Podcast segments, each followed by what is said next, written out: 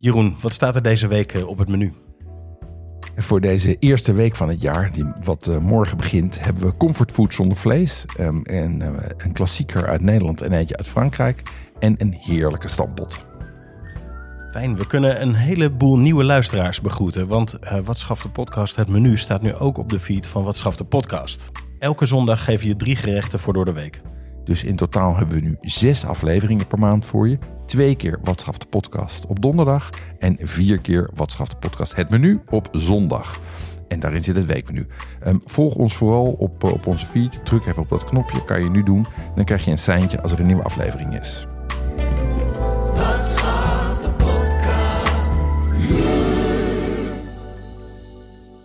Jeroen, hoe trappen we culinair 2024 af? We beginnen met een frietje met uien bierstoof. Daarna een cassoulet végétalien. En we sluiten af met een stampotje met koolraap. Dat uh, frietje uien bierstoof. Dat klinkt mij als een uh, frietje stoofvlees of een uh, frietje soervlees. Vertel. Ja, precies, precies dat is het. Um, het, is een, het is een hele lekkere combi van diep zoet stoof, stoofje. Dat je op zoute friet met mayo gooit. Zoet, zout, krokant, smeuig, umami. Alles, maar dan dus zonder vlees. Oké, okay, interessant. En, en zit daar dan een uh, vleesvervanger in? Ja, dat dacht ik eerst ook. Paddenstoelen of zo, of seitan of, of een van die mm -hmm. dingen. Maar nee, er zit gewoon heel veel uien in. En je laat het lang stoven. Eigenlijk net als met een, uh, als met een uiensoep. Het is een soort hele dikke uiensoep. Maar dan met gember, kruidnagel, nootmuskaat en een zoet zuurtje. Um, dat zo kenmerkend is voor bijvoorbeeld uh, zuurvlees. Oh ja, precies. En je had het ook over bier. Ben ik benieuwd naar. Ja, natuurlijk ben je benieuwd daarnaar. Um, you had me at beer. Ja, wat wat je doet hier is bruin bier. Um, dat is, uh, en dit is een uitstekende moment om dat laatste flesje kerstbier of bokbier of Christmas ale of cranberry klets of wat dan ook doorheen mm -hmm. te gooien. Um, want dat geeft een zoetje en een zuurtje uh, naast de mosterd en de bruine suiker die er al in zitten. Oh, daar kan ik me helemaal iets bij, uh, bij indenken. En maak je die friet zelf bij dit gerecht? Nou, als ik nog zelfgemaakte friet in de vriezer heb liggen, dan doe ik dat wel. Um, maar vaak maak ik het ook gewoon met, met ovenfrietjes. ik heb een nieuwe krachtige hete luchtoven en dat gaat eigenlijk, gaat eigenlijk heel goed. En, en werkt dit in een airfryer? Heb je daar ervaring mee? Eigenlijk? Nee, daar heb ik geen ervaring mee. Uh, ik ken wel mensen die ook kunnen koken, die toch enthousiast zijn over de airfryer. Dus uh, ik heb geen, uh, geen pertinente haat. Wel een vooroordeel, maar geen haat. Um, ik ken overigens niemand die, die hem mooi vindt, de airfryer of het aanrecht. Nee, die dingen worden links en rechts ook wel het kasteel genoemd, hè? Niet voor niets.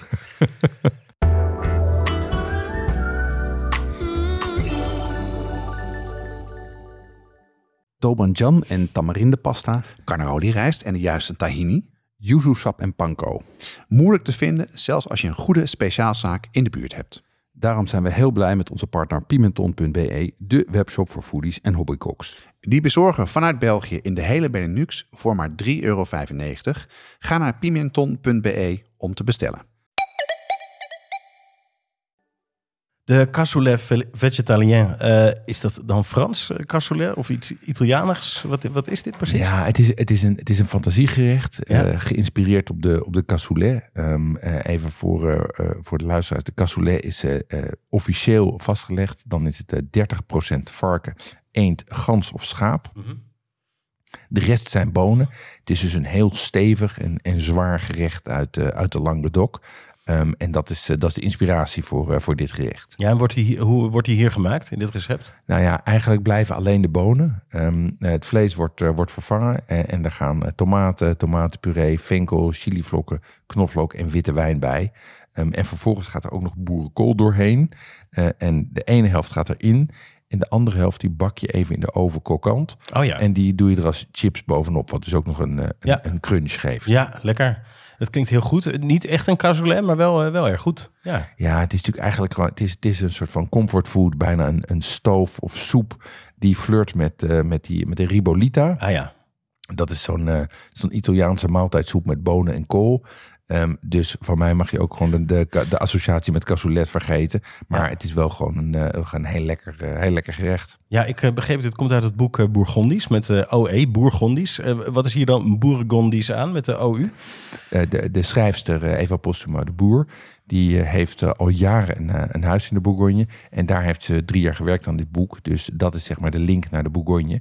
Ehm, en het startpunt zijn wel vooral Franse gerechten. Ja. want zoals ze zelf zegt, de Franse keuken is nog heel erg vleesgeoriënteerd. Ja. Um, en, en zij heeft hier dus in de Bourgogne zitten werken aan een boek met Franse geïnspireerde gerechten, maar dan zonder vlees. Oh, dat is wel uniek in zijn soort uh, dan inderdaad. Eh, staan er alleen maar vega gerechten in het boek? Het, het, is, het is, het is groente-centric. Uh, ja. Wat is het? De vegetable first. Um, maar er staat ook een klein beetje vlees in. Er staat ook gewoon een, een kalfstartaar in. Dus het is wat dat oh, niet, heel, uh, niet heel streng in de leer. Maar de nadruk is op de groente.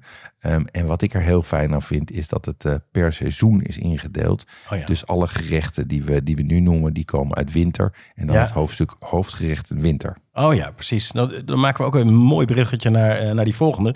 Een winterse stampot. Ja, een, uh, de, precies, een uh, winterse stampot met um, Cora. precies. Um, dat, is een, uh, dat, dat is ook grotendeels een, een vega gerecht. Hier zitten wel een, een paar plakjes chorizo, of chorizo moet ik zeggen, op. Um, en verder zitten er aardappels, witlof, walnoten en dus weer die koolraap in. Ja, daar wilde ik het ook even over hebben toen ik het recept zag. Koolraap, meiraap, koolrabi. hoe zit dat ook weer precies? Ja, dit maak je met, uh, met koolraap. Ja. Dus, uh, dus de eerste. Dat is een uh, vrijwel ronde, grote, paarse met gele knol. Daar zit geen blad aan, wel nog een aanzet van blad, maar het blad zelf meestal niet. Um, en dat heeft een beetje een zoetige smaak en dat is een echte wintergroente. Dat vlees van binnen is vrij gelig overigens. Ja. Oh ja, en dat is, dat is echt iets anders dan de koolrabi. Ja, de koolrabi is echt iets heel anders. Um, uh, dat is een, die is veel kleiner, die is zeg maar een centimeter of acht. Die is een beetje plat, als een, uh, als een mandarijn zeg maar qua vorm. Ja, ja. En heel licht groen. Um, eh, en daar zit het blad zit aan de bovenkant, maar vooral ook aan de zijkant van de knollen. Aan de zijkant van de knollen heb je een soort van uitlopers uh, van dat blad. Soms zijn die uitlopers afgeknipt, soms zit er echt nog blad aan. Ja. Um, en die smaak is ook heel erg anders. Dat is echt een, een, koolachtige smaak en het is een zomergroente. Ja, dus die koolraap uh, groot en een wintergroente, groente, koolrabi wat kleiner en wat meer een zomergroente dan, dan de meiraap? Ja, de, de uh, meiraap die heeft het formaat van de koolrabi, dus die kleine. Mm um, maar die heeft weer de paarse van de koolraap. Dus oh, ja. dat is, daar snap ik de verwarring. ja, um, die worden ook wel eh, raapjes genoemd.